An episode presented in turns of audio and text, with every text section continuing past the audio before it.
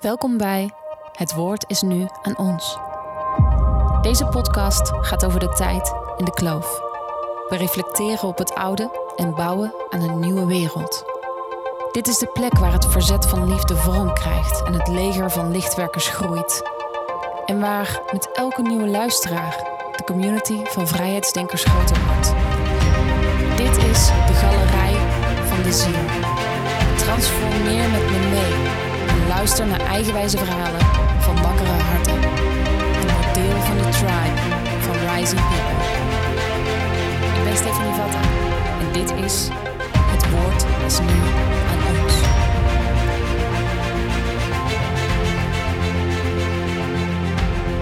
Lieve luisteraars, van harte welkom bij een nieuwe aflevering van Het Woord is nu aan ons. Ik heb bij mij zitten Geert Allard. Zeg het goed, Geert? Helemaal. Yes. Yes. Helemaal goed. Goedemorgen, welkom. Goedemorgen. Dankjewel. We zitten hier in eh, de slaapkamer van mijn zoontjes.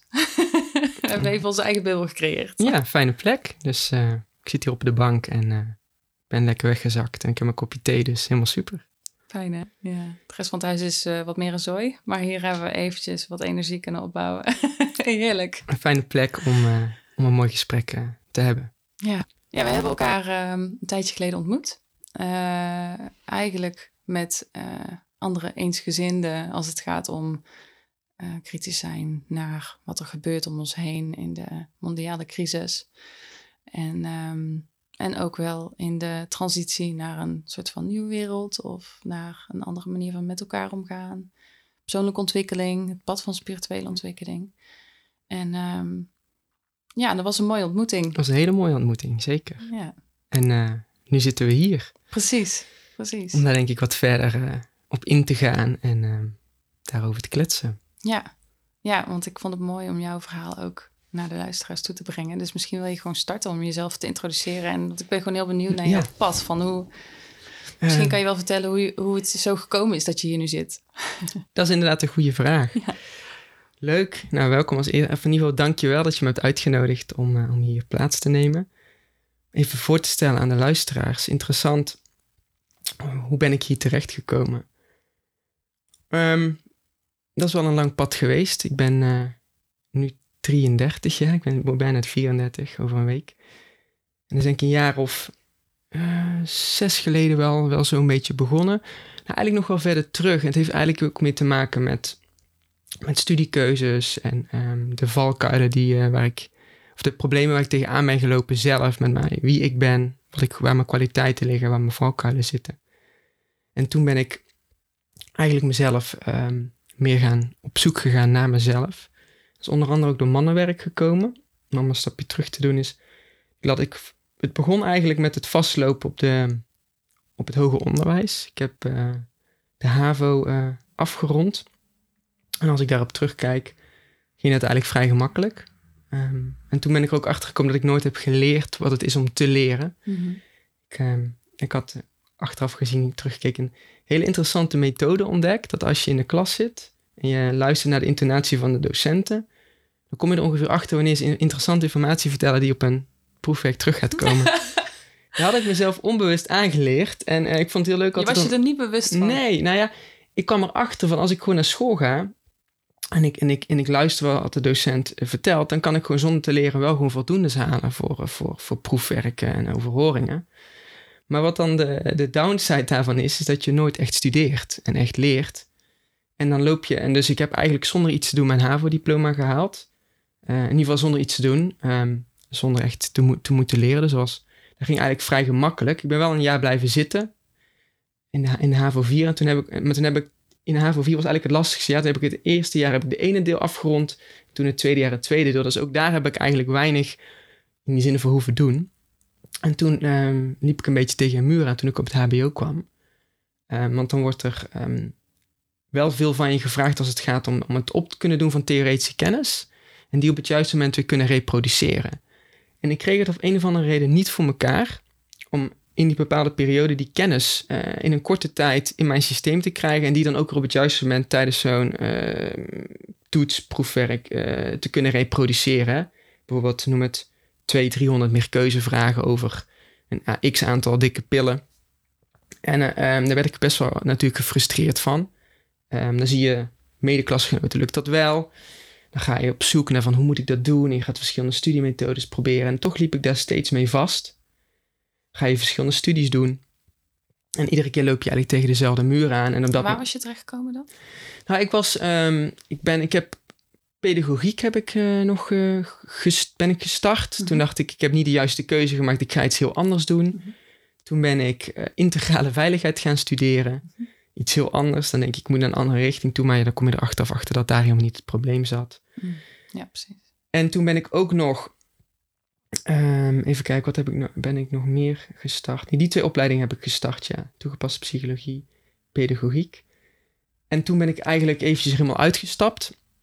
En toen ben ik wel eigenlijk in een, eigenlijk in een soort van uh, depressie gekomen. Of in ieder geval in een heel laag zelfbeeld. En dan um, niet, niet, het, niet actief om hulp durven vragen als, uh, als jonge gast. Uh, denken dat je alles in het leven zelf op moet lossen. Ja. En die druk ook niet bij anderen neer wil leggen, want dan voel je je daarvoor beschaamd. Hè? Of dan, ja, ik moet dat zelf doen. En toen uh, ben ik wel even vastgelopen. Toen heb ik mijn spullen gepakt en toen ben ik naar Costa Rica gegaan voor drie maanden.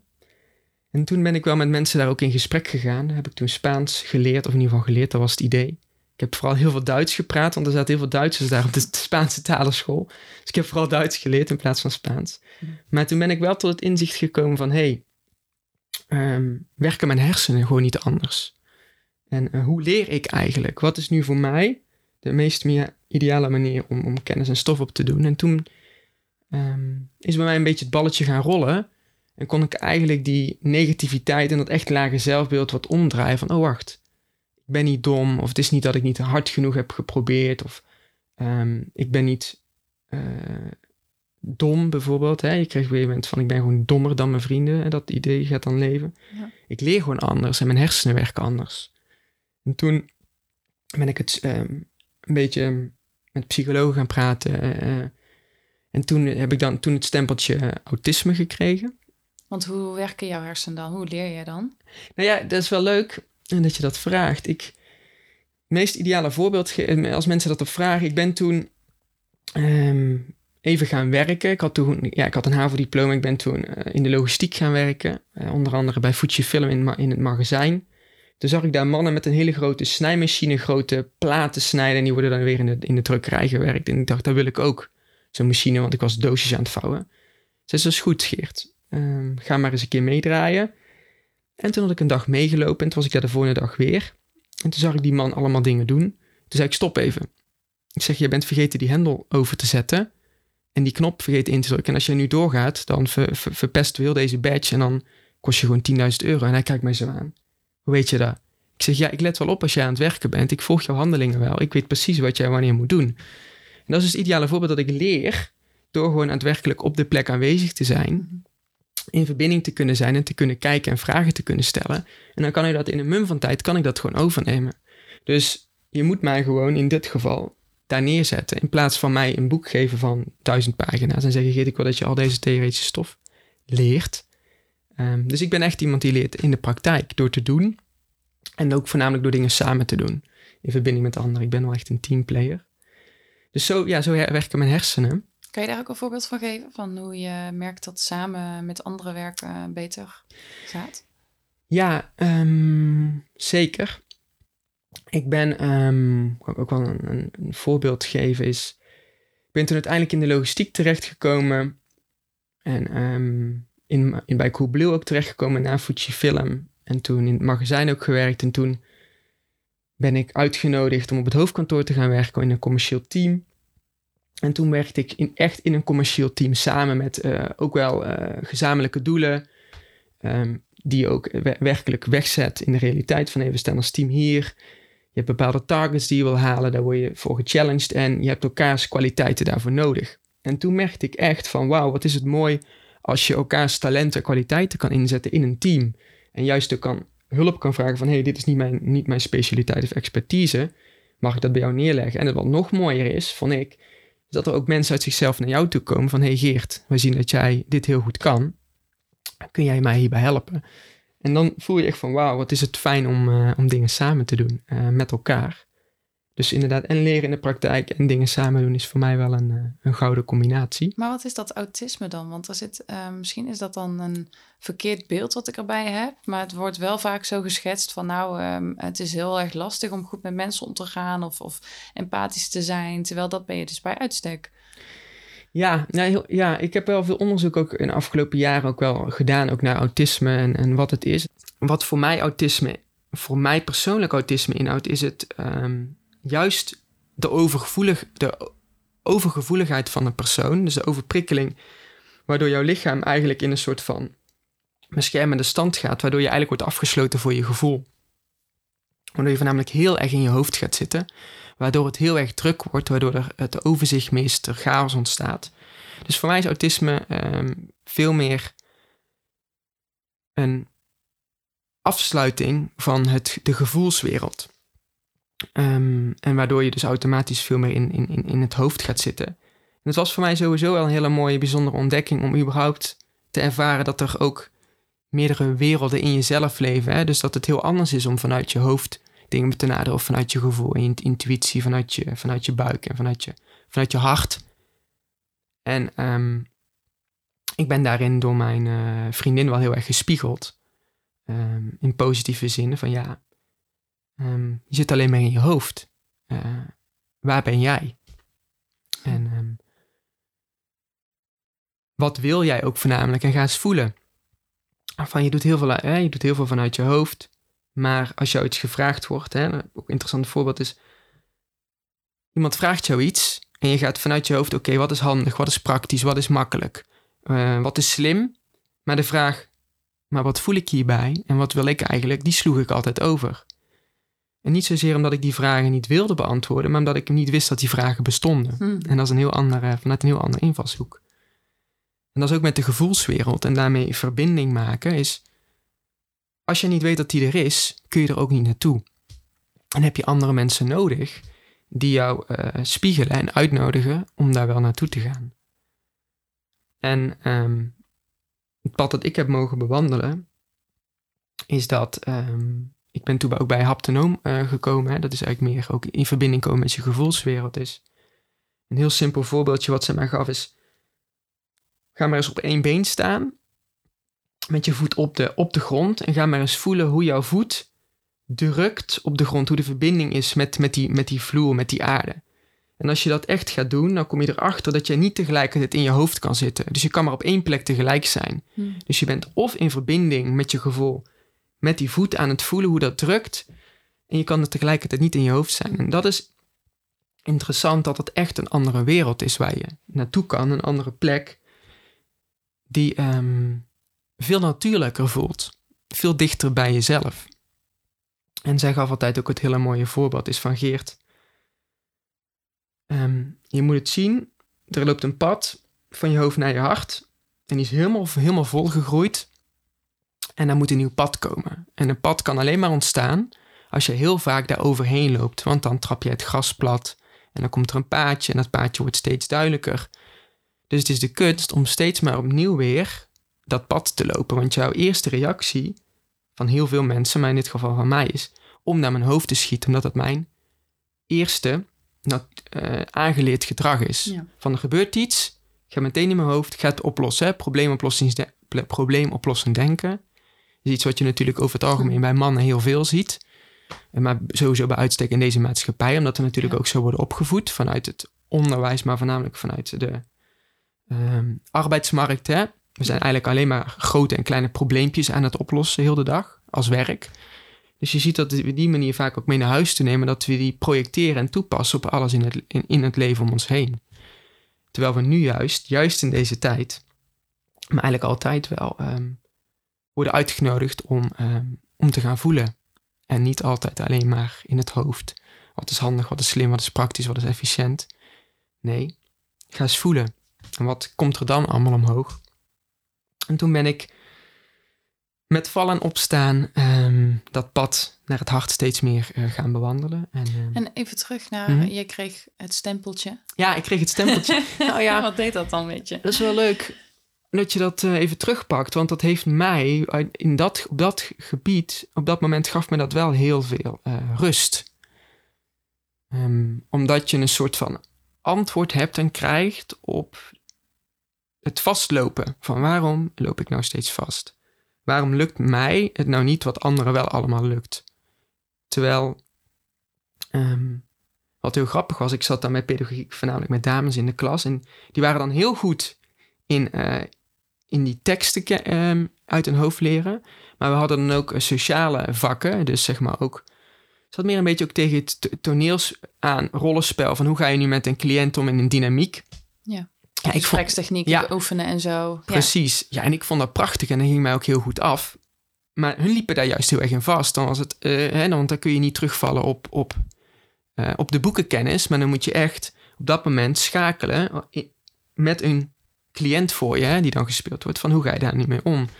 Toen dacht ik van ja, dat lukt mij wel heel goed waarom lukt mij dat andere nou niet? Hè? Die, die kennis opdoen en, um, en dat reproduceren. En als je dan uiteindelijk zo'n stempeltje krijgt, niet zozeer dat het, het goed moet praten, maar je, je, je krijgt wel een soort van opluchting, ook bij mijn ouders. Um, heb ik ook heel erg gemerkt. Um, dat dingen, dingen worden wel helder en duidelijk. En het interessante is wel dat na zo'n stempel um, ik, dat mij ook wel weer heeft gemotiveerd, ook voornamelijk al onbewust, om, daar, om dat nog meer bij de horens te vatten en me nog meer in te verdiepen. En het uiteindelijk ook meer te overstijgen en los te komen van die stempel.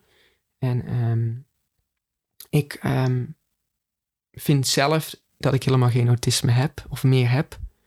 Um, maar dat het veel meer uh, te maken heeft van hoe kan ik stukken in mij verbinden in het geheel. Dit, in dit geval mijn gevoelswereld. Waardoor ik niet meer in mijn hoofd zit.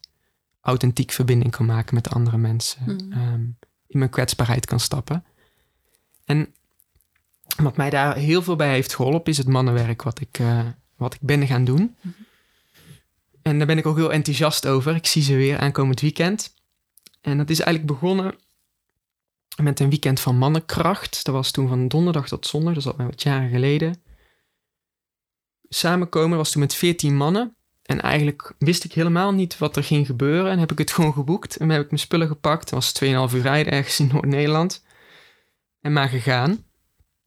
En dat heeft eigenlijk wat alles te maken met uh, in verbinding komen met, met, met jezelf. Maar ook voornamelijk in verbinding komen met mannen. En de visie die hun dragen is van dat het tijd is nu om op een nieuwe manier naar man zijn te kijken en op een nieuwe manier naar um, broederschap onder elkaar en wat je dat allemaal kan brengen. Dit is, eigenlijk was dat wel een soort van startpunt voor mij, voor mijn pad dat ik nu aan het lopen ben als het gaat om uh, authenticiteit, mijn mening geven, voor mijn eigen, voor mezelf gaan staan is. Ik kwam in dat weekend erachter hoe belangrijk het is om op een diepere laag met andere mannen te kunnen verbinden. Dus niet in het hoofd, maar vanuit het hart. Omdat er nogal een stigma op drukt en omdat je voornamelijk, wat ik voelde, heel erg in een soort van um, overlevingsstand schiet. Hè? Het, je wil niet onderdoen voor andere mannen, hè? een stukje stoer, masculien. Uh, kwetsbaarheid mag niet, uh, tranen mag niet, uh, je verdrietig voelen, je bang voelen, um, dingen moeilijk vinden in het leven, struggelen. Dat mag er allemaal niet zijn. Ik voel nu ook emoties stromen ook al. Hmm. Dus er zit nog zeker, draag ik dit stuk nog steeds bij me. Ja. Um, en wat was dat een verademing voor mij toen dat um, helemaal open werd gegooid in die groep en dat daar wel ruimte voor was en dat er oprecht in verbinding met mannen waren die echt naar jou wilden luisteren. En, um, Want voel je daar, als je zegt ik word daar ook geëmotioneerd van, voel je daar nog steeds een stukje angst op zit of een stuk mm. blokkade van ja, ik denk dat er zeker nog een stuk blokkade op zit. Omdat het nog. Uh, ik voel dat ik daar al heel veel heb geheeld. Maar um, ik kom er nu steeds meer achter in de, in de, in de afgelopen jaren. dat dit proces nooit ophoudt. Totdat ik 80, 70, 80, 90 ben. Jammer hè? Ja, ja ook wel heel mooi. Het gaat altijd door en het is nooit klaar. En um, je zit de authenticiteit, in verbinding met mensen, um, moet je toch altijd weer eventjes zakken en eventjes weer gaan voelen. bij jezelf komen en in verbinding komen. En zit er toch altijd misschien nog wel een soort van mechanisme. Ik denk dat het ook menselijk is, hè, vanuit het oerinstinct. Van die veiligheid wel kunnen waarborgen voor jezelf. Um, ja, ik merk juist ook als ik bij me, met mijn zusters samenkom, dat er juist altijd heel veel inderdaad omhoog komt eerst. Ja. Het is niet meteen fijn. Precies. Het is niet meteen. Het is eerst. Het, het is alsof ehm, door de veilige setting dat dan ehm, alles ineens mag worden aangekeken wat er, wat er, wat er zit op dat moment. Klopt. Of dat je ook inderdaad gewoon getriggerd wordt van wow, veel, veel mensen om me heen. Um, wow, wat vindt die wel niet van mij? Nou, allemaal, allemaal dat soort oude patroontjes, die komen allemaal juist weer omhoog. Om dan vervolgens met elkaar uh, dat te mogen delen. Uh, te voelen dat het er mag zijn. En, um, en dat is een stukje helingsproces, denk ja. ik. Dat je een tegenovergestelde ervaring hebt dan wat je misschien vroeger hebt gehad. Ja, ik denk dat je het heel goed noemt. Dat het, het zijn oude, ingesleten patronen. Die zo diep zitten in jouw systeem. Die er misschien nooit helemaal uitkomen. Maar dat hoeft ook helemaal niet. Daarom zijn we ook hier helemaal niet op aarde.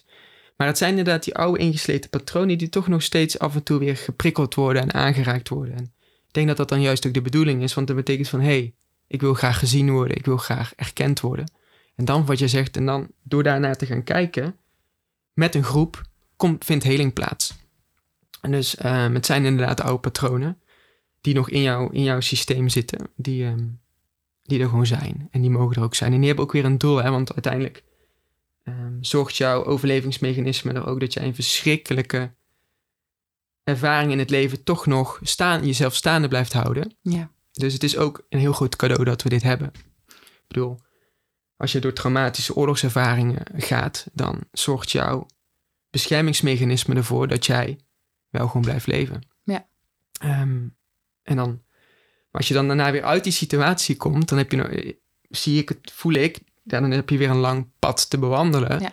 Om die schilden eigenlijk, hè, dat panzer weer langzaam, langzaam af te doen. Om bij jouw eigen kern te komen.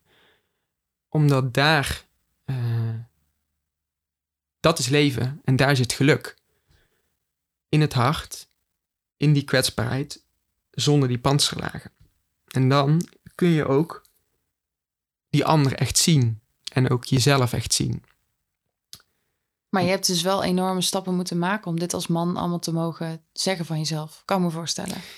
Ja, en ik, ik word ook nog steeds getriggerd in het samenkomen. En ik heb in het mannenweekend heb ik mogen ervaren hoe mooi het is om, um, om te kunnen verbinden met mannen om moeilijke gesprekken te hebben, kwetsbare gesprekken. Um, en toen voelde ik echt van wauw, dit heb, ik, dit heb ik echt gemist in de eerste 25 jaar van mijn leven, of in ieder geval de laatste jaren van mijn leven. Dat er dus, maar ik kwam er pas achter dat dat een onbewust verlangen was, ja. wat ik nog nooit bewust had gemaakt, totdat het werd aangeraakt. En toen dacht ik, wauw, dit is fijn. Dit heb ik gemist, nooit geweten. Ja. Maar deze behoefte zat wel heel diep in mij. En toen ben ik wel wat doorgegaan meer in, in dat mannenwerk. En toen ben ik bij een, uh, hier in Tilburg Goorlen bij een mannenclub gegaan. We komen al meer dan een jaar één keer per maand samen. Daar doen we eigenlijk in het klein met acht en, acht en tien mannen hetzelfde. En als samenkomen mm -hmm. uh, in broederschap en authentiek vanuit jouzelf delen. Zonder dat het uh, een stukje coaching wordt of probleemoplossend, maar eigenlijk heel erg authentiek delen. En dat was echt lastig voor mij in het begin. Ook omdat die oude patronen van een probleemoplossend altijd gaan spelen. En ik heel erg ook een grote zorgzame kant heb. Ja. Dus iemand deelt iets, en dat zie je ook wel patroon ook binnen, binnen mijn relatie of met mijn ouders of met vriendschap is, dat ik nog steeds heel snel dingen wil oplossen. Ja. Dus ook met die man, een man deelt iets. En dan ga je meteen met oplossingen bijvoorbeeld in jouw gedachten al komen of je spreekt ze uit. Ja. En dan kom je tot, en dan ga je leren door dat vaker te doen, dat je daardoor juist het proces alleen maar remt. Ja. Het is dus, het is juist de bedoeling dat die energie die daar zit, dat die gevoeld en erkend mag worden. Want als je er namelijk weer overheen gaat praten met oplossingen, dan demp je het weer weg en dan, duw dan kruipt het weer naar binnen. Dus ik heb ook heel erg moeten leren um, om te voelen van wat is van een ander, wat is van mij. En ben gewoon aanwezig. Ja. Ben daar gewoon, ga daar gewoon zitten en luister. En ga eens voelen wat het doet om gewoon alleen maar te luisteren zonder te oordelen of het voor een ander op te proberen lossen. En dan ontstaat eigenlijk de magie. Maar we zitten zo in een maatschappij waarin probleemoplossend wordt um, gepretendeerd en ook wordt goedgekeurd en wordt, hè, dat is belangrijk en dat is fijn, wow, je bent echt probleemoplossend. Maar als het om emoties gaat, is dat juist niet de bedoeling. Dan is ook weer in die stukje die dualiteit die je dan voelt. En de magie ontstaat als je met z'n allen aanwezig bent in jouw eigen energie en gewoon luistert. En die ander gewoon vertelt wat er speelt en voornamelijk wat je voelt. Hmm. Dat, ik werd ook wel vaak, vaak teruggefloten van Geert. Gebruik eens minder woorden. Wat voel je nu echt? En in het begin was het... Uh, uh, uh. En na een tijdje, door dat vaak te oefenen... Oh ja, wacht, ik zit meer in mijn hoofd. Ik zit hier weer in deze groep te ratelen. Wacht even. Ik heb niet veel woorden nodig. Wat voel ik? Ik voel pijn. Ik voel verdriet. Voel schaamte. Afwijzing. Oké, ga er eens naartoe. Hoe voelt dat? Ja. En dan, dan gaat dat stromen. En dan raak je ook bij andere mannen raak je dingen aan. En was er bij jou dan heel veel nog om, om op te lossen, aan te raken? Of heb je zoiets van de meeste dingen waar ik, wat ik mocht hele ware dingen waar bijna alle mannen tegenaan lopen? Dus hoeveel is, is meer de samenleving en hoeveel is individueel? Oh, het heeft heel veel met het collectief te maken. Met wat er eigenlijk zie ik steeds meer terug dat we allemaal, ook zelfs man en vrouw, allemaal ehm, tegen dezelfde dingen aanlopen. Wel met hetzelfde, wel met een ander jasje eromheen. Maar als je echt naar de kern gaat, is het allemaal voor iedereen hetzelfde. En dat is eigenlijk het, een, een opgebouwd schild. Heel veel moeite om in, die, om, om in die kwetsbaarheid te komen, omdat je om wat voor redenen ook vaak door trauma's ehm, heel erg in dat overlevingsmechanisme zit. Maar wat ik zelf zag bij mezelf en wat ik ook wel terug ken is ehm,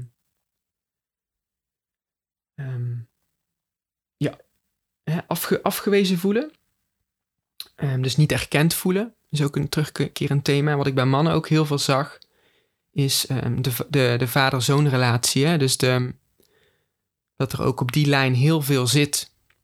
heel veel verstoring zit. Hè? Dus moeite hebben om een, geen band hebben kunnen opbouwen met je vader op emotioneel vlak. Omdat uh, in dit geval de vader emotioneel niet beschikbaar is. Um, om wat, of om wat voor reden dan ook. Dus de vader-zoon relatie zag, zie, zie ik, zag ik bij mezelf ook. En ook heel veel bij de mannen terugkomen. Um, en ook de behoefte om, om, um, om niet te falen. Ik heb dan zelf geen kinderen, maar in, in verbinding met andere mannen is ook hè, van een goede vader willen zijn, een goede partner willen zijn. Bang zijn daar, daar tekort in te schieten. Ehm, dus je ziet echt wel thema's. Zo, dat is wel een herkenbaar ja, thema. Heel herkenbare thema's terugkomen bij mensen. Ehm, maar zie je nou ook, uh, of heb je nou eigenschappen ontdekt van het man zijn, die uh, niet eerder bekend waren, juist door de cirkel en je eigen persoonlijke ontwikkeling? Ja, ja zeker. Uh, dat kwetsbaarheid altijd loont en dat dat ware kracht is. En uitspreken wat het met jou doet. En als je het authentiek houdt, zegt het altijd alleen maar iets over jou en niet over de ander. Dus als jij deelt vanuit jezelf, van uh, ik word hierdoor geraakt, um, ik krijg hier het gevoel van dat ik uh, niet gehoord word of niet gezien word, dan is dat iets wat over jou gaat. Dus wat ik voornamelijk bij man is voornamelijk heel, het, het, misschien het klassieke beeld dat vanuit films en video's heeft, voornamelijk heel veel met agressie te maken, boosheid, kracht. Maar gezonde mannelijke energie is eigenlijk heel zacht. Wel heel krachtig en sterk aanwezig, maar wel heel zacht. En um, daar zijn we onszelf als man wel een beetje verloren en van afgedreven. Hè? Um, ik werd er als voorbeeld ooit een keer een psycholoog of een psychiater gezegd van ja, leuk zo'n man, zo'n grote rots in de branding, maar als die rots blijft, een rots praat niet hè. Dus als hij zijn gevoelens niet toont, dan is het leuk om als partner zo'n rots van een man te hebben. Mhm. Maar als dat de rots blijft en de rots is, dan is er weinig relatie. Is er weinig, relatie en verbinding. Hè? En, dan, en dan, dan mist, mist die emotionele verbinding. En maar dan verschillen we dan, ja, ik, ik vind het, trekt mij wel. Want ehm, soms denk ik, we zijn echt net twee verschillende wezens, man en Mhm. vrouw. Maar als ik jou zo hoor, dan denk ik, ja, er is dus helemaal geen verschil. Mhm, Ja, goede vraag. Het is mooi dat het, voor, het is ook voor mij nog steeds ik, eh, een zoektocht en ik heb helemaal niet de waarheid in pacht. En wat ik nu voel en ervaar kan over een bepaalde periode helemaal anders zijn. En dat is het mooie van het leven. is dat ik ook heb mogen leren dat je best van mening mag veranderen. En dat het, dat het onderdeel is van hier op aarde zijn. Dat je kennis opdoet, ervaring opdoet en dat dan soms jouw mening verandert. Maar ik denk dat er in essentie echt heel veel overlap zit tussen mannen en vrouwen in de kern. En ehm, dat we ook zeker hele grote verschillen hebben. En dat we, we dragen uiteindelijk allemaal, voel ik, het mannelijke en vrouwelijke energie in ons. En het is de kunst om die beide in balans te, te kunnen dragen in jezelf. En ze eigenlijk aan te roepen op momenten dat je er behoefte aan hebt. Hè? De mannelijke energie is voor mij persoonlijk vooral eh, actie ondernemen, doen. Dingen echt in deze fysieke wereld echt regelen. Mhm. Ehm, stappen maken. ehm, plannen, organiseren. Dat is voor mij echt de gezonde mannelijke energie. En dan in de zin de vrouwelijke energie die we ook allemaal in elkaar hebben, is het, is het emotionele stuk, het zorgzame stuk, het, het, het, op, het op hartsverbinding. Nou ja, je hoort natuurlijk wel dat. ehm, je hoort veel mensen zeggen van het vrouwelijke is. ja, we, leven heel lang, we hebben heel lang in een patriarchische Ja. samenleving geleefd. Dus het mannelijke heeft gedomineerd. Ja. En, ehm, en soms is het lastig omdat je het mannelijk en vrouwelijk noemt. Waarbij de misvatting kan ontstaan, inderdaad. Dat Ja. het gaat om. Hè, mannen zijn te dominant geweest. Ja. Wat ergens misschien voor een deel ook zo is. Maar mannen en vrouwen zijn er allebei slachtoffer van geweest. En nog steeds. En wat ik, wat ik dan misschien mag opmaken uit jouw woorden, is dat ook in de man ehm, de vrouwelijkheid nog eh, mag, worden on- mag worden herontdekt. En dat het juist op dat stuk heel veel mag worden geheeld. Zeker. En zodat er misschien weer gezonde mannelijkheid overblijft. Dus ik kan me ook voorstellen, eh, wat je net zei, ja, je, je gaat inderdaad door fases heen. Ja. Ehm, dat er gewoon, eh, ja, bij jou individueel, maar ook collectief, gewoon een belangrijke fase is nu van het, het terugbrengen van de vrouwelijke energie in jezelf. Ja. En ook in de omgang met elkaar. Eh, want daar ben ik zelf ook heel erg mee bezig. En, en soms denk ik wel eens, waar is mijn mannelijke energie nog? Want ik krijg eh, niks van elkaar. Ah, ja. Nee, de- Ja, maar. Wat- Zeker, en dat is ook van die zachtheid naar jezelf toe. Hè? Die, het stoppen met die afwijzingen. Het heel tijd met, dat zie je vaak terugkomen. Hè? Die continue gedachten van heel tijd jezelf met die zweep slaan. Maar Mhm. echt naar die, die, die zachtheid in jezelf. En ook voornamelijk het, het omarmen van jezelf. En ehm, dat, dat is echt... hè, we zitten in een keiharde mannenwereld en dan is daar geen ruimte voor. Ja, het moederen van jezelf. Precies, dat is mooi. Het moederen van jezelf. En dat is voor iedereen zo belangrijk. eh, die zachtheid. Ehm, we hadden laatst een mooi, hè, voor wat het hardop uitspreken van... Ik ben een man en ik maak fouten en dat is oké. Ja. Alleen dat al, hè? Wow. Ja. Dat je fouten mag maken en dat het helemaal oké is. Ja. Want we kunnen nooit alles he- helemaal goed doen. En dat betekent niet dat je een verkeerd mens bent en dat je dingen bewust expres doet. Je maakt in het leven soms gewoon, kun je noemen fouten. Ik kan ook wel zeggen, het zijn gewoon leermomenten. Maar Mhm. er gaan dingen gewoon wel eens mis. Ja. En soms doe je misschien ook wel eens hele domme dingen waar je heel veel spijt van hebt. Maar dan nog steeds van, en dat mag, en dat is oké. Waar komt dat vandaan? Dat streng zijn voor jezelf? Ja, dat is toch wel die, die echt die harde, harde energie waar we onszelf in hebben gezet. Hè? En waar we allebei slachtoffer van zijn. Waar we zowel als man als als vrouw helemaal niks aan hebben. En wat je dus ziet is dat er dus ook de vrouw in een hoek wordt gedrukt om daar ook weer aan te toppen. Hè? En dus ook heel hard wordt, heel zakelijk wordt. Om ook maar het soort van te kunnen concurreren. Want dat zou dan moeten. Hè? Dan, eh, dan willen we ook heel veel vrouwen in de top hebben. En hoe kom je in de top? Ja, om je ook dan maar hard en zakelijk eh, te gaan gedragen. Maar daar heeft de vrouw, maar ook zelfs de man ook helemaal niks aan. Dus we zijn onszelf zeker eh, echt kwijtgeraakt. En daar zijn in dit geval alleen maar verlie- verliezers. Ja. In, in, in, zowel voor de man als voor de vrouw. Individueel als in verbinding samen. En daarom voel ik nu ook, en vind ik het ook zo mooi, dat er heel veel mensen nu bezig zijn Ja. met mannenwerk, met vrouwenwerk of in combinatie. Ja. Om ook weer naar die heling toe te gaan, naar, dat, naar die zachtheid, naar het afdoen van dat panzer en eens te gaan voelen van wat borrelt er nu al 10, 20, 30, 40 jaar in mij. Mhm. Want alles is energie. En we vergeten dat het gaat niet vanzelf jouw lichaam uit. Zo ervaar ik het. Als jij bepaalde pijnlijke, traumatische ervaringen hebt gehad, en die kunnen heel klein zijn in jouw leven, dat kan een maand, een jaar, 10, 20 jaar geleden zijn. Die zitten nog ergens in jouw systeem. Vaak zitten die op organen. Zo zie ik het. Gaan die vastzitten, gaan die Mm. kleven. En dan kun je gewoon echt letterlijk ziek van worden. Mhm. Dus er is geen groter cadeau dat jij je, als je, wat jij jezelf kan geven, is om daar naartoe te gaan. En dat kan je is je ook nog voorstellen dat er heel veel mensen... Want er zijn nu in dit land heel veel mensen die ervoor kiezen om het niet aan te kijken Ja. en niet aan te gaan. Kan Ja. je je ook nog voorstellen dat mensen die keuze maken? zeker. En deze periode, en dat vind ik zo bijzonder van de tijd waarin we nu in leven. We worden nu echt allemaal, en dat is mijn overtuiging, nu uitgenodigd. En dat is eigenlijk de hele reden van deze, eh, noem het crisis waar we in zitten. We Mhm. worden nu allemaal uitgenodigd, groot en klein, om allemaal naar deze stukken te gaan kijken. Omdat ze niet meer weggestopt kunnen worden. Ze worden in het, als het ware in het licht gezet. En iedere, eigenlijk letterlijk iedere dag opnieuw worden we uitgenodigd van oké, er is ruimte nu, er is tijd. Je mag ernaar gaan kijken. Dat is, dat is voor mij nu echt de reden waarom we nu in deze, in deze tijd zitten, om die stukken weer te gaan helen. Omdat we uiteindelijk dan weer naar een nieuw bewustzijn kunnen, maar ook voornamelijk naar een nieuwe samenleving die op een hele andere manier gestoeld is, met een nieuwe kijk op opvoeding, onderwijs, politiek, financieel, al die st- systemen, die zijn eh, punt 1 outdated. Ze zijn niet meer in balans. Ze zijn ook corrupt. Ze zijn niet dienend. Dus we zullen uiteindelijk naar een heel compleet nieuw systeem moeten. En ik praat daar veel over met mensen. En ik voel nu steeds meer, we moeten niet oude systemen proberen te veranderen of te upgraden. Nee, we moeten naar een heel nieuw systeem toe. Het moet dienend zijn. Het systeem wat wij hebben gemaakt, en dat voel ik echt, is niet dienend voor de ziel.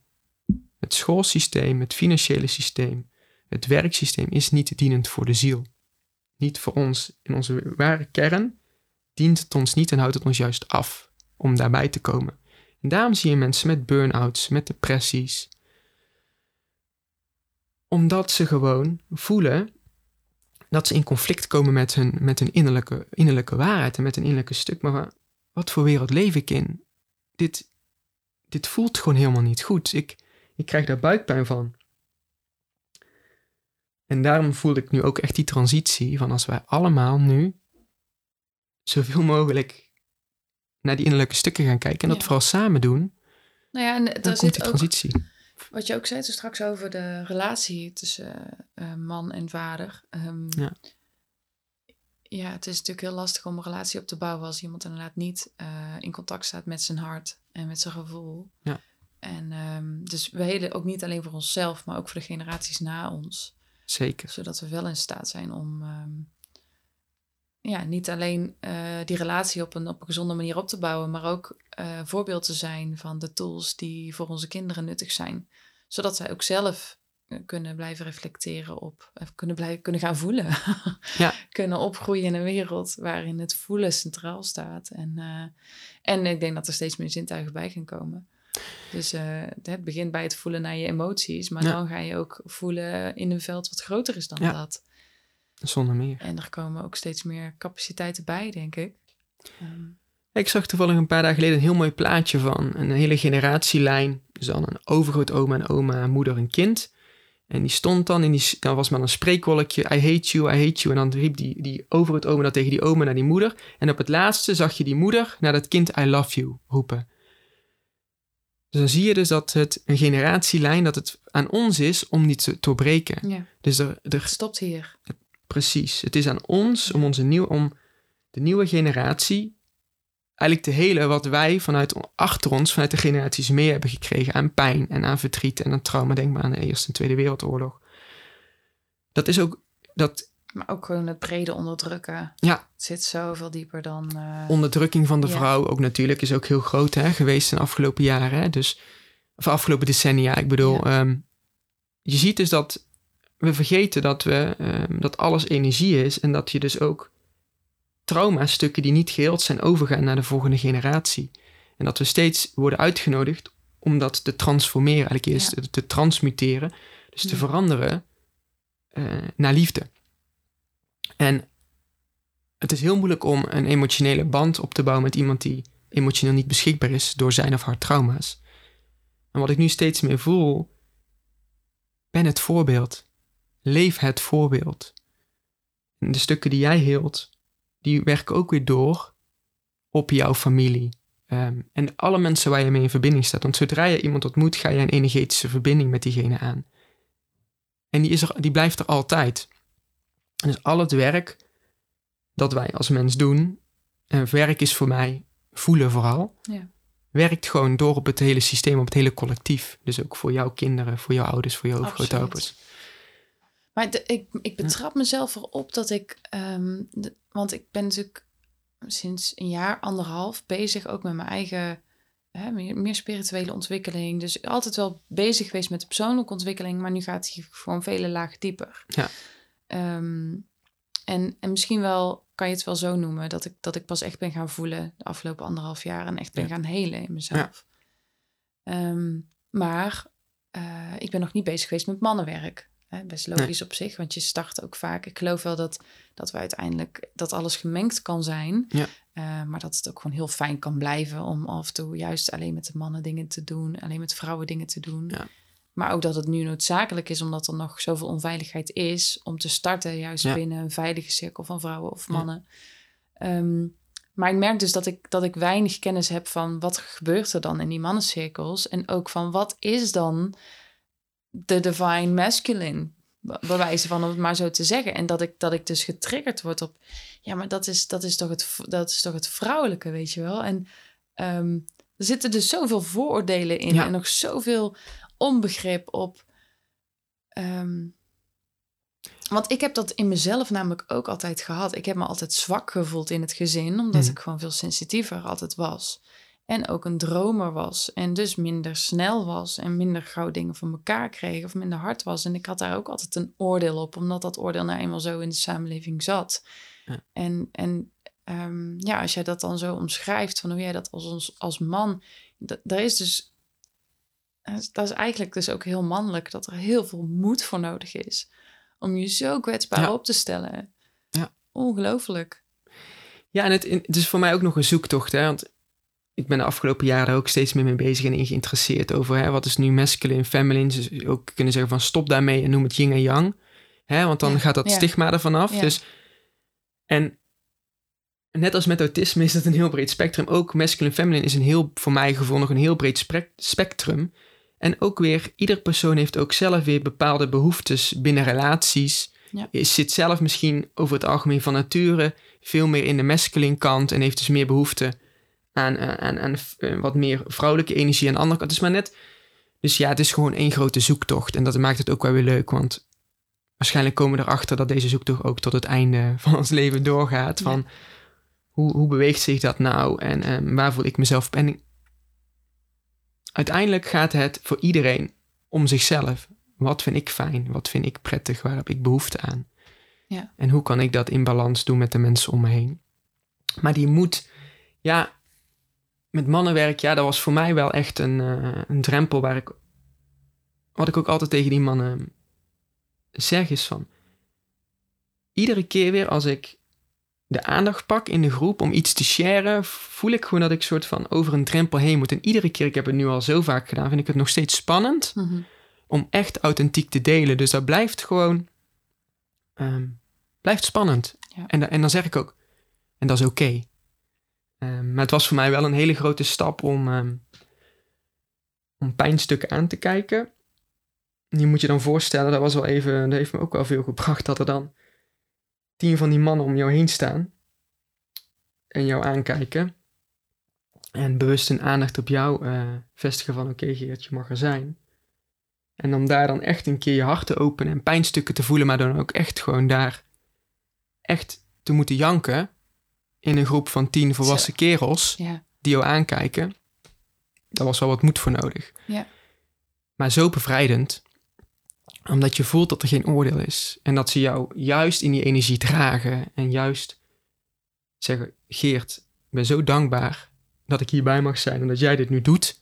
Dit heelt mij ook al zoveel. Ja, Dat jij, ervoor, dat jij nu als voorbeeld kan laten zien dat het oké is om hier kwetsbaar te zijn. Dus ja, het is gewoon echt een prachtige samenwerking en eh, de energie die je dan weg kan zetten. En dat is voor mij gewoon heel helend. En als ik naar alle mannen om me heen kijk, denk ik dat het voor heel veel mannen, en dat is uiteindelijk altijd persoonlijk, heel veel kan brengen. Mhm. Om dichter bij jezelf te komen. In relatie met anderen.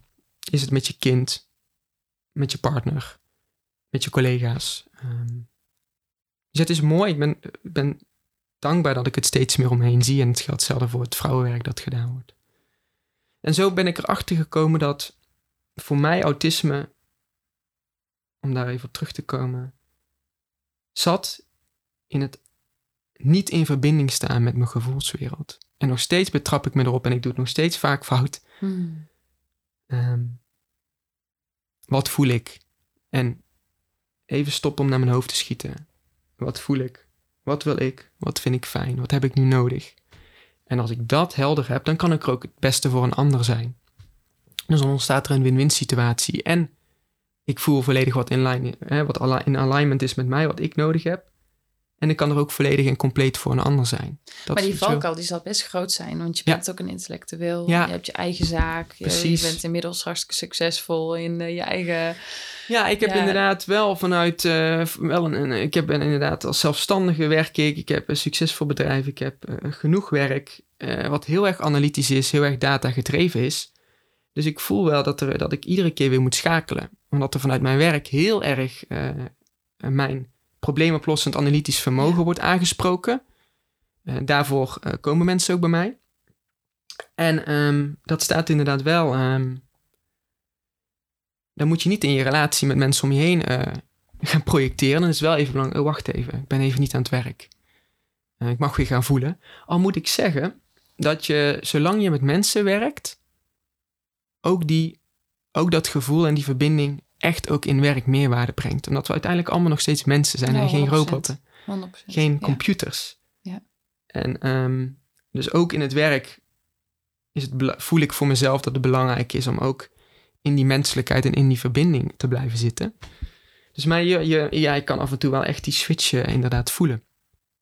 Ehm, ja, en ook het, het, hele, ehm, het hele beeld natuurlijk ook over, waar we het net ook over hadden, een nieuwe wereld, een nieuw schoolsysteem. Hè? Ehm, Hoe zie je het voor je? Ik ben heel benieuwd. Ja, ik heb altijd zo opgekeken. Ik had me altijd het beeld aange, aangenomen. Dat, wordt dat sluipt er natuurlijk in van hè, je gaat studeren. Je haalt diploma's. En als het goed gaat, dan kan de HBO, dan ga je misschien zelfs nog een master doen. En dan zie je om je heen vrienden een HBO-diploma halen. Zie je vrienden om je heen masters halen. En dan lukt jou dat niet. En dan voel je jezelf. eh, dan voelt het echt alsof je gefaald hebt in het leven. En dat was toen ook eigenlijk wel een soort van onderdeel en trigger van, de- van een soort van depressie. Ja. En dan kom je erachter dat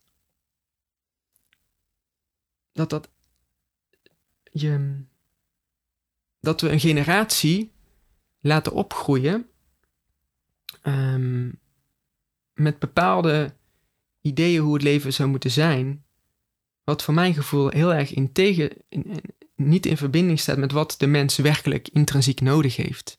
En dat is het kunnen. We zijn zulke creatieve wezens. Het ontdekken en ontplooien van wie jij werkelijk bent. Jouw eigen autonome zijn. Op jouw eigen tempo. Op jouw eigen manier. Dus jouw creativiteit. Jouw authenticiteit. ehm, wat zijn je kwaliteiten?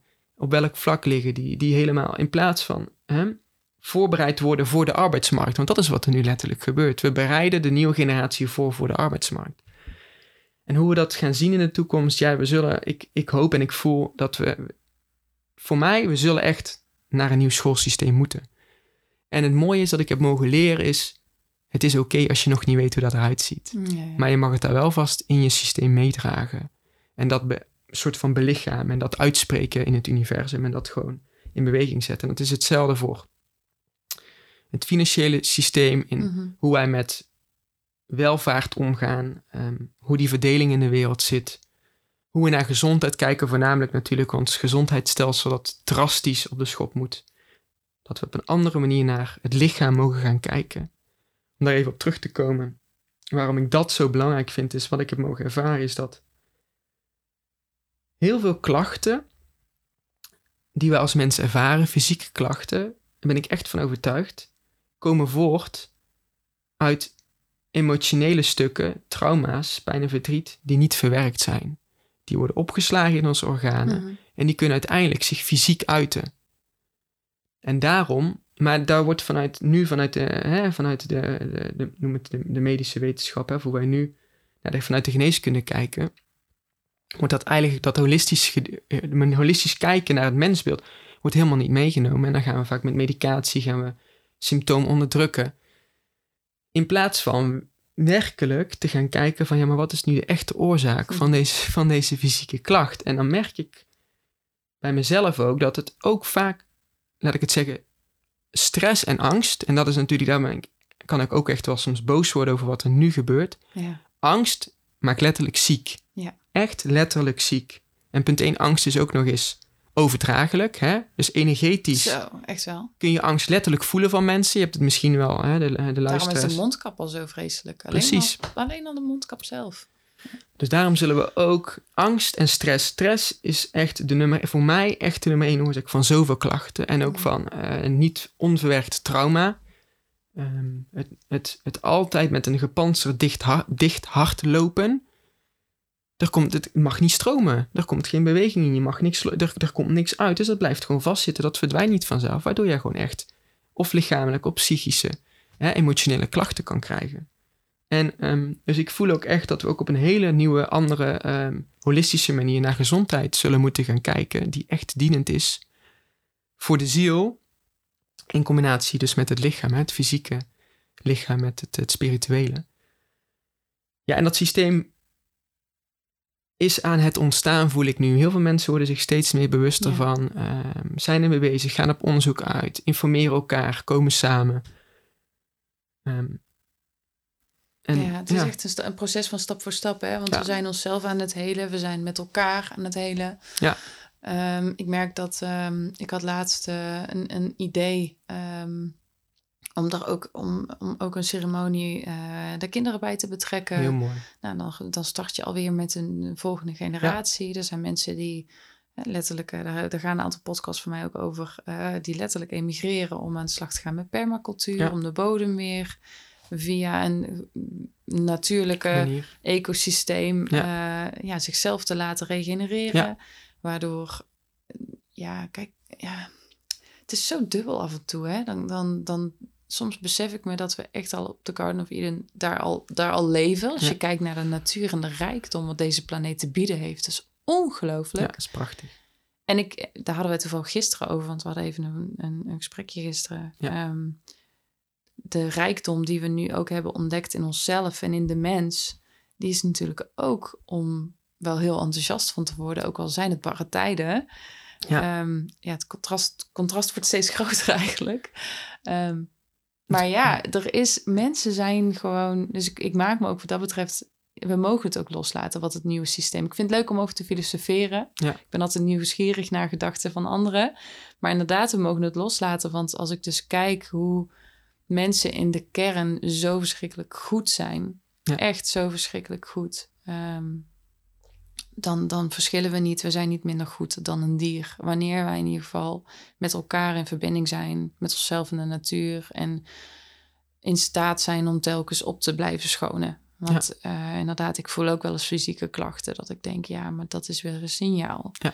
Wat zit daaronder? Wat is dat? Wat is er aan de hand? Ehm, wat mag ik loslaten? Of waarom ben ik weer aan het overcompenseren op iets? Of, Ehm, dus als wij dat blijven doen met elkaar, ja, dan, dan ontstaat er denk ik vanuit, vanuit vertrouwen en puurheid en goedheid en liefde gewoon iets wat werkt. Ja. Want als het niet werkt, dan doen we het de volgende dag weer anders. Ja. Dus het hoeft misschien ook niet een systeem te worden. Misschien is het gewoon ook af van systemen. Heel mooi. Dat, want dat is wat ik ook heb mogen ervaren nu. Is ehm, loskomen van systemen.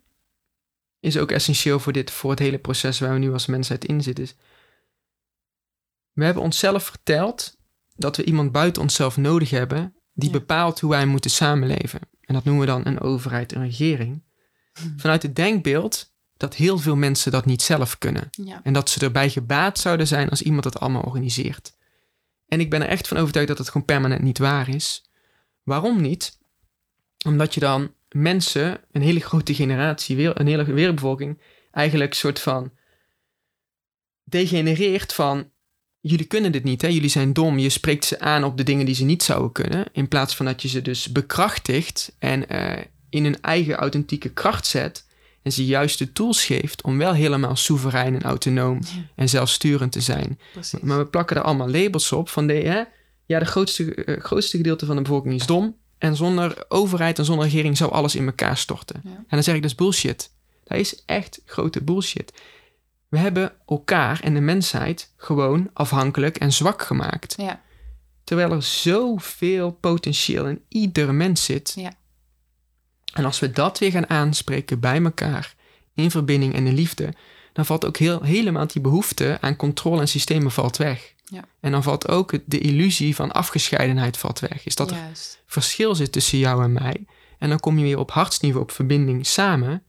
En dan kom je erachter dat, dat er helemaal geen afgescheidenheid in essentie bestaat. En dat we letterlijk allemaal één zijn en allemaal vanuit dezelfde bron komen. En dus ook allemaal verbonden zijn, maar dat ook altijd zullen blijven. En ik had er ooit een heel mooi plaatje van gezien. En dat je een soort van wereldbol. En dan onder in die wereldbol zat een hele grote eh, bloembol. En daar groeiden allemaal stengels uit. En die kwamen dan hè, uit het aardoppervlakte omhoog. En dan was er een poppetje. En die keken elkaar dan aan. Maar je moet wel weten, die kwamen allemaal uit diezelfde bloembol. Dus dan kijk je elkaar aan en noemt de ene noemt je Henk en de andere noem je Piet. Maar dan ga je eens kijken waar je vandaan komt. Je komt allemaal uit diezelfde bloembol. Ja. Alleen je hebt de- er is een illusie gecreëerd dat jij Henk bent en ik Thijs, Ja, ik noem maar iets. En dat wij verschillend zijn en niet in verbinding staan met elkaar. En afgesche- nee, afgescheidenheid is echt een illusie. Ja. En als we dat helemaal gaan voelen, En ook wat jij zei straks van dat jij eh, een verlangen had wat je nog niet kende. En ik denk dat, ehm, en ik krijg ook het gevoel dat we misschien hetzelfde boek hebben gelezen. ehm, The More Beautiful World Our Hearts Know Is Possible. nou, dat ken ik niet. Nee, maar je, dus, je noemt echt een aantal dingen Ja, die mooi. hij heel mooi daarin omschrijft. Ja. Precies dat, van eh, het is een illusie van afgescheidenheid. En Ja. eh, er is juist één grote interconnectedness. Ja. Alleen daar mogen we wel op aansluiten. Want heel veel, hè, precies ook wat je omschrijft met jouw lijf ook. Eh, wat ik ook heb ervaren, dat als je niet in gevoel staat met je eigen gevoel, dan ben je ook niet interconnected met de rest. Nee. En dat is ook dat, dat je dus meer kan gaan voelen zodra je dat wel gaat doen. Dat er gewoon andere senses gaan ontstaan, Ja. andere zintuigen. En, ehm, ehm, maar ook ja, dat we dus wanneer we ehm, daar weer mee in contact staan, gaan voelen dat er een verlangen is om liefde te voelen, te geven. En dat daar een onuitputtelijke bron zit. als we echt inderdaad weer verbinding maken met de essentie en uiteindelijk komen we, je kan heel ver uitzoomen, maar uiteindelijk als je weer echt weer inzoomt naar de kern is, wat is het om mens te zijn? Wie zijn we? We hebben geen ziel, we zijn een ziel. Ehm, dit lichaam hebben we hier tijdelijk. We zijn hier, en dat is hoe, hoe ik dit ervaar, mijn waarheid is om om lessen te leren, maar ook die illusie dus inderdaad van afgescheidenheid te doorbreken en uiteindelijk te voelen dat we niks liever willen dan echt met elkaar in verbinding zijn. En voornamelijk ook geven. Geven is zoveel fijner uiteindelijk dan ontvang is. Je, je hoort dat ook van heel veel mensen die heel veel hebben en die zeggen: Wauw, toen ik echt oprecht ben gaan geven, mensen ben, kunnen gaan helpen. En dan heb je dus het verschil tussen serve, yourself en serve others. Als je vanuit serve to self kan overstappen naar serve to others, hoe kan ik dienbaar zijn? Ja, dan gaat er zoveel stromen. En dat betekent niet dat je alles moet weg gaan geven, maar het is uit een bepaalde mindset anders kijken naar jezelf en de wereld om je heen. Hoe kan ik dienend zijn? En het grappige is, je bent niet dienend naar een ander, je bent dienend naar jezelf, want er is geen verschil. ja, Dus door ja. te geven, geef je uiteindelijk Ja. aan jezelf. En het is, het is Ja. je omschrijft het nu directer dan karma. Weet je wel, karma is zo van ja, het komt altijd wel weer terug. Ja. Dat, dat is zo. Ja. Maar er is ook een rechtstreeks ehm, Ja. ehm, karm, ja, Ja. Karma-effect van je eigenlijk geef je meteen aan jezelf omdat je zo interconnected bent. Ja. En ook de liefde die je voelt als je iets kan geven. Ja, dat geef je dus. Dat, ja, dat, dat gevoel, dat is liefde wat je in jezelf hebt gevonden op dat moment. Ja. En, elkaar, en dan kun je ook letterlijk, in, zowel in je emotie als in, in de fysieke wereld, elkaar alles gunnen. Want als wij samen één ben, hoezo gun ik mezelf niet, al, niet alles? Ik gun mezelf alles. Dus dan gun ik het jou ook, want jij bent mij en ik ben jou. Mhm. En, dan, en dan kun je ook loskomen van eh, jaloezie, haat, afgunst, misgunst. Kun je, kun je, da- dan kunnen we dat als cyclus doorbreken. En ik denk uiteindelijk dat de transitie en de verandering waar we nu in zitten, allemaal daarmee te maken heeft. Mhm. En ehm, ja, we moeten ehm, beter zorg dragen door de wereld, voor de wereld. Want wij zijn de wereld. En dan is mijn visie vooral dat dat zit op, eh, op, op niet zozeer op CO2, maar veel meer op eh, vervuiling. Hè?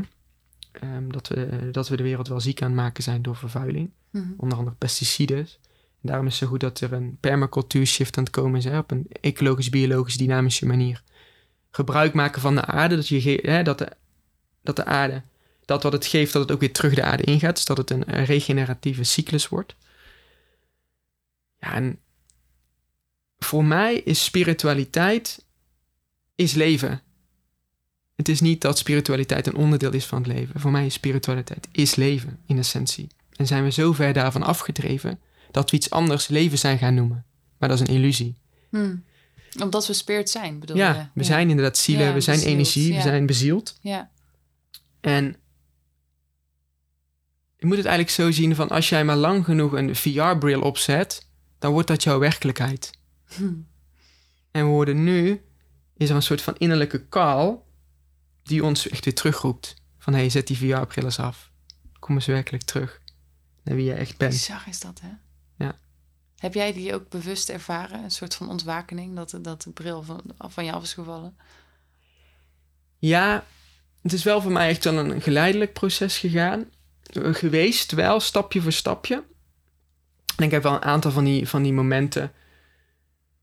Ben samen met mijn vriendin zeven maanden midden Zuid-Amerika hebben we kunnen reizen. Heb ik heel veel mooie mensen ontmoet. Ook heel veel mooie ervaringen gehad. Met voornamelijk verbinding met de natuur, met elkaar en met jezelf. Dus dat heeft daar wel echt aan bijgedragen. Ook voornamelijk, het interessante is, ook weer als je iets niet weet dat het niet is, hè, een onbewust verlangen. Ik kwam erachter dat je ook op een andere manier je leven in kan delen toen ik op reis was. Ik had een bepaald beeld van Ja. hoe het leven zou zijn. En toen bleek het ook, je kan ook gewoon je leven heel anders indelen. En dat is ook gewoon oké. Ja, dat is gek. Hé, hey, zonder bezittingen? Ja, Dat kan. hè? die mensen die leven heel anders. En dan kun je wel zeggen, ja, ze hebben niks anders. Maar het gaat erom dat die wel een andere filosofie op het leven nahouden. En Want wij worden geboren in een bepaald systeem, in een bepaalde manier van opvoeden, opgroeien, prikkels die je krijgt, dingen die je wel en niet ziet, wat jou vormt. Maar als je daar nooit iets anders tegenover hebt gehad, dan weet je niet dat dat bestaat. Ja. En als hetzelfde weer als ik terugkom met het pad naar mijn hart en voelen, als ik nog nooit over dat pad heb gelopen, hoe weet ik dan dat het er is? En dat is ook wel weer gewoon, ehm, ook nu, hè, wij, noem ik het even de westerse samenleving vrij breed. Wij moeten gaan ontdekken, wij mogen gaan ontdekken en leren dat er heel veel andere manieren zijn hoe we naar het leven kijken. Mhm. En dat dat en helemaal oké is en dus niet fout is. En er heeft niks te maken met vergelijken minder of beter, minder, of het een is beter of het ander is minder. Het is het mogen ontdekken dat er oneindig veel vormen zijn van leven en samenleven. En dat het juist de kunst is om voor jouzelf te gaan voelen: hé, hey, maar wanneer ga ik aanstaan? Waar word ik nu echt blij van? En wat, hoe kan ik in dat, hoe kan ik dat voor mezelf hier op aarde neerzetten en, en, en, en dienend zijn in mijn kwaliteiten? En hoe fijn is het als je jouw kwaliteit iedere dag opnieuw mag inzetten, dienend voor het geheel? En hoe is dat, is dat voor jou nog aan het transformeren? Dus even terug naar Ja. 2021, Geert. Even terug, ja, die is aan het. nou ja, ik, die is wel aan het. ehm, Want je ontdekt ook weer hele nieuwe skills bij jezelf. En, en, en de kracht die in jou zit. En ook de behoeftes die er zitten. En, ja, de behoeftes is. ehm, het grootste cadeau wat ik mezelf heb mogen geven, wat, wat eigenlijk op mijn pad is gekomen, is. Misschien herken je het wel, is jezelf uitspreken. Nadenken, iets vinden, iets voelen en dat ook gewoon delen. Dus als ik pijn en verdriet en buikpijn krijg van wat er nu in Nederland gebeurt, over de maatregelen, over de uitsluiting, over de keuzes die wel en niet gemaakt worden, en dat me dat pijn doet en verdriet wordt en dat het boosheid oproept, dat mag er allemaal zijn. En dat is mijn mening en dat is mijn waarheid en die mag ik delen. En toen kwam ik erachter van, ik heb dit nooit gedaan. Ik heb altijd vanuit, vanuit een aangeleerd gedrag, altijd volgend, dienend geweest voor het geheel. Dus altijd aanpassend geweest. Nooit mezelf gevraagd, maar wat vind ik hier nu van? En dat heb ik nu mogen leren van, ja Geert, je hebt een stem, je hebt een mening, je hebt een gevoel, je hebt een verhaal. Spreek het uit. Mhm. Degene die het willen horen, horen het. Degene die het niet willen horen, is ook oké. En ik nodig ook bij deze iedereen uit om je eigen stem te vinden. Maar daar moet je door zoveel blokkades heen. Wat vinden andere mensen daarvan? Misschien worden mensen boos, misschien kwets ik anderen. Het zijn allemaal, allemaal patroontjes die jou ervan weerhouden om bij jouw kern te komen. Want mijn mening, die ik vorm, zegt alleen maar iets over mezelf en niks over anderen. Dus iedereen heeft het recht om zijn of haar eigen mening te vormen en die te delen. Want dat zegt namelijk alleen maar iets over die, over die ander. Ja. Dus als iemand anders zich gekwetst voelt, dan ligt dat helemaal bij die ander. Want er wordt Ja. er bij die ander iets geraakt en getriggerd. Ja. Want jij kan ook zeggen, Geert, jij hebt jouw mening. Jij hebt jouw waarheid. Dat is jouw verhaal. En dan laat ik bij jou. Als autonoom wezen Ze- ben je ook verantwoordelijk voor je eigen gevoel. Voor Precies. je eigen gevoelens en, en wat je zegt. Weet En- je wel? En daarom kies je wel zorgvuldig wat je zegt. Ja. Maar het komt van binnen uit. En dus kan je niet meer... Het is klaar om rekening te houden met wat een ander denkt. Want daar hebben we in Ja. ons leven ook wel gezien. Ja. Ik, eh, misschien heb je, herken je dat wel, maar ik heb zo lang geprobeerd om iedereen te pleasen. Zeker, 100%. Ik ook. Onmogelijk. Onmogelijk. ja, ik ook. Want ja, iedereen heeft Ik daarin ook weer een andere mening. Ja. Verwacht weer iets anders van je. Ja, als, als dat niet tot een burn-out leidt. Precies. Nee, heel herkenbaar. En ehm, ik denk voor heel veel mensen herkenbaar is. Maar toch is het heel moeilijk. Want het is, en da- dat is ook weer zo'n heel oud patroon, denk Ja, ik. oud Ja, patroon. om het echt, om zo bang te zijn. Want je bent inderdaad ook empathisch. Je, bent Ja. er ook, je hebt een groot hart voor, ook voor anderen. Dus je wil niet dat je anderen kwetst. Maar dat is een, een groot proces van loslaten. Om echt los te laten van wat het met de ander doet, is voor mij niet meer relevant. Ik voel nu steeds meer, je kwetst nooit iemand anders. Iemand anders kiest ervoor om zich gekwetst te voelen. Ja. Zonder het, we hebben het natuurlijk niet over beledigingen Nee, en zo. precies, Hè? dat is iets het anders. Maar het als ik- gaat gewoon om eh, heel eerlijk bij jezelf te blijven en gewoon eerlijk jouw gevoelens en jouw gedachten te omschrijven. Precies, als Ja. ik inderdaad heel autonoom, zonder ehm, mijn projecties, hè, zonder dingen bij een ander neer te leggen, maar helemaal vanuit jouw innerlijke waarheid vertelt. Dit is wat ik vind en dit is hoe ik erover denk. En het kan goed zijn dat het over een paar maanden heel anders is, Ja. maar nu voel ik dit. Ja. En is mijn boosheid, mijn frustratie, mijn verdriet, of misschien mijn, juist mijn, mijn, mijn passie, mijn verlangen, wat het ook is. Dat hoort helemaal bij, bij mij en het heeft niks met jou of met de ander te maken. Dan blijft het ook in jouw eigen energie. En dan kan het enkel alleen iets triggeren bij een ander. Maar het, het is niet de, de. Jij bent niet de veroorzaker. Jij bent niet de reden waarom. Ja, ja, maar jij maakt mij verdrietig. Of jij maakt mij boos. Of jij kwetst mij. Nee, dat is helemaal niet zo. Neem verantwoordelijkheid voor jouw eigen emotie. Ja, maar het is echt de sleutel Ja. tot harmonieus samenleven. Ja. Daar ben ik van overtuigd. autonoom. Ja. Verantwoordelijkheid nemen voor je eigen verdriet. Voor je eigen triggers vooral. Want wat, ik nu natuurlijk, wat er nu natuurlijk gebeurt. En dat is het gevaar is. Hè, we worden letterlijk tegen elkaar uitgespeeld. Er worden ontzettend veel eh, triggers bij mensen geraakt. Waardoor er ontzettend veel alleen maar modder gegooid wordt. Met allemaal verwijten. Maar dat leidt alleen maar af. Want uiteindelijk zijn we allemaal één. En eh, moeten we die illusie van afgescheidenheid doorbreken. En kunnen we samen met z'n allen naar die nieuwe wereld toe. Ehm, die er echt klaar voor is om geboren te worden. Die is al geboren. We mogen er nu alleen eh, in verbinding mee raken.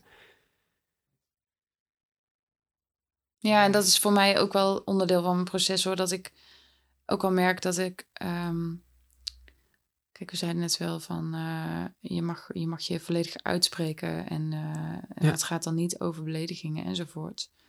Maar het zou ook mooi zijn als we op een gegeven moment op het punt komen waar je af en toe gewoon ook echt heel onredelijk mag zijn. En gewoon heel boos mag zijn. Ja, zeker. En eh, Doe het. en dat is denk ik ook het opbouwen van. Want, want binnen een veilige relatie die goed werkt, kan dat. Ja. Ehm, maar ik merk bijvoorbeeld met mijn ouders eh, is de spanning nog vaak zo om te snijden, omdat we al zo conflictvermijdend zijn en Ja. het allemaal al zo spannend vinden eh, dat we anders denken of anders voelen of, of de een wel of de ander niet voelt, ja, whatever. Ja. En dat juist daardoor ehm, de woede er niet mag zijn. En, ehm, en misschien ja, heb je dat in je, in je mannencirkel ook wel gevoeld al mogen ervaren. Ik, ik, ik ervaar dat steeds vaker ook bij die vrouwencirkels. Dat, dat we ook dat stukje af en toe veel meer gaan voelen en gaan aankijken. Ja. Van mag je ook af en toe alles eruit schreeuwen en juist ook dat ego's laten praten van alle, alle schaduwkanten naar boven brengen. Ehm, ook, dat, ook dat kan ontzettend helend zijn. Ja.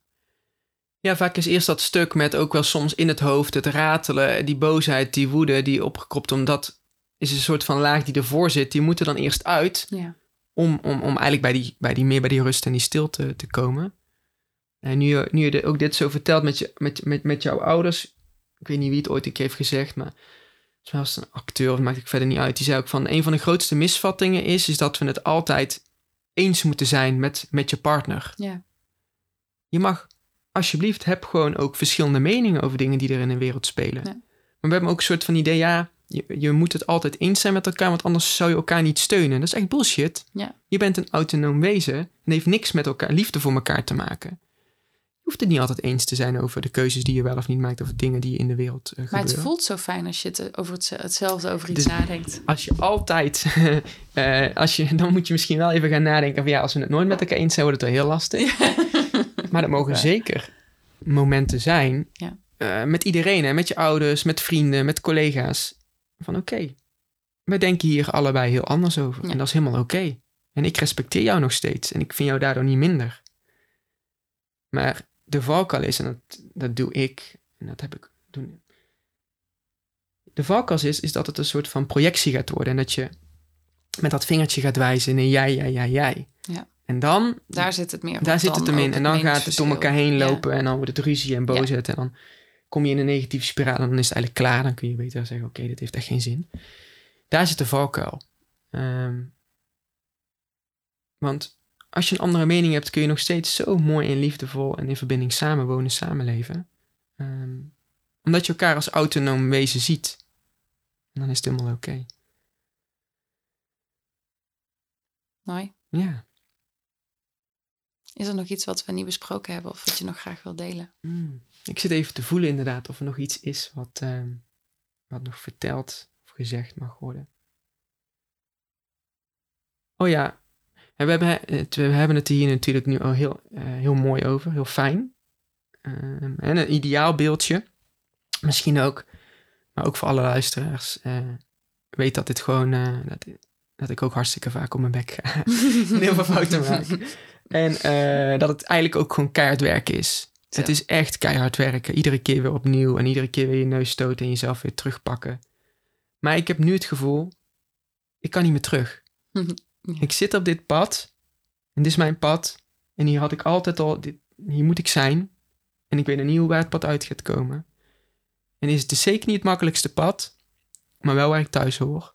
En ik ga nog heel vaak op mijn bek. Ik ben nu 33, de komende 60, 93 hoor ik. De komende 60 jaar ga ik nog heel vaak op mijn bek ga ik het nog heel vaak fout doen. Maar dat is oké en daar leer ik weer van. Dus um, ja, dat is ook mens zijn. En laten we elkaar vooral inspireren. Dat het anders kan, dat het anders mag. Dat we elkaar daar kaart voor nodig hebben. Iedereen. Niet in groepjes denken, maar in het geheel. Dat we elkaar echt nodig gaan hebben. En dat kwetsbaarheid kracht is. Um, En het uitspreken ook mogen leren.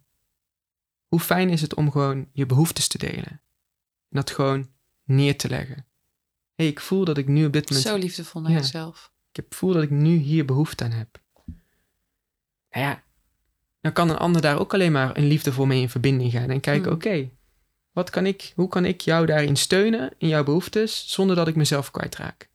dan komt er altijd ruimte. Dus dan al, bijna, er is eigenlijk altijd ruimte om die behoefte gewoon te vervullen. Um, dat mag ik ook nog steeds meer doen. Dus dat is weer een note to mezelf. Hm. Ehm, je verlangens en je behoeftes uh, meer peilen. En dan moet je dan... Oh, ja, ik, ik, dat voel ik dan. Dan moet ik wel naar mijn hart toe. Oh ja, wacht even. Klep je even weg uit het hoofd. Ja, dan mag ik echt nog... Uh, dat is mijn um, leerschool-uitdaging. Om dat uh, steeds vaker te gaan doen. Nou, volgens mij ben je prachtig op weg. Ja, jawel. stapje voor stapje. Dankjewel voor je mooie verhaal en kwetsbaarheid. Ja, heel krachtig. Dankjewel voor de uitnodiging en fijn om, uh, om het hier te mogen delen en uh, in gesprek te zijn met jou over deze prachtige onderwerpen. Dankjewel.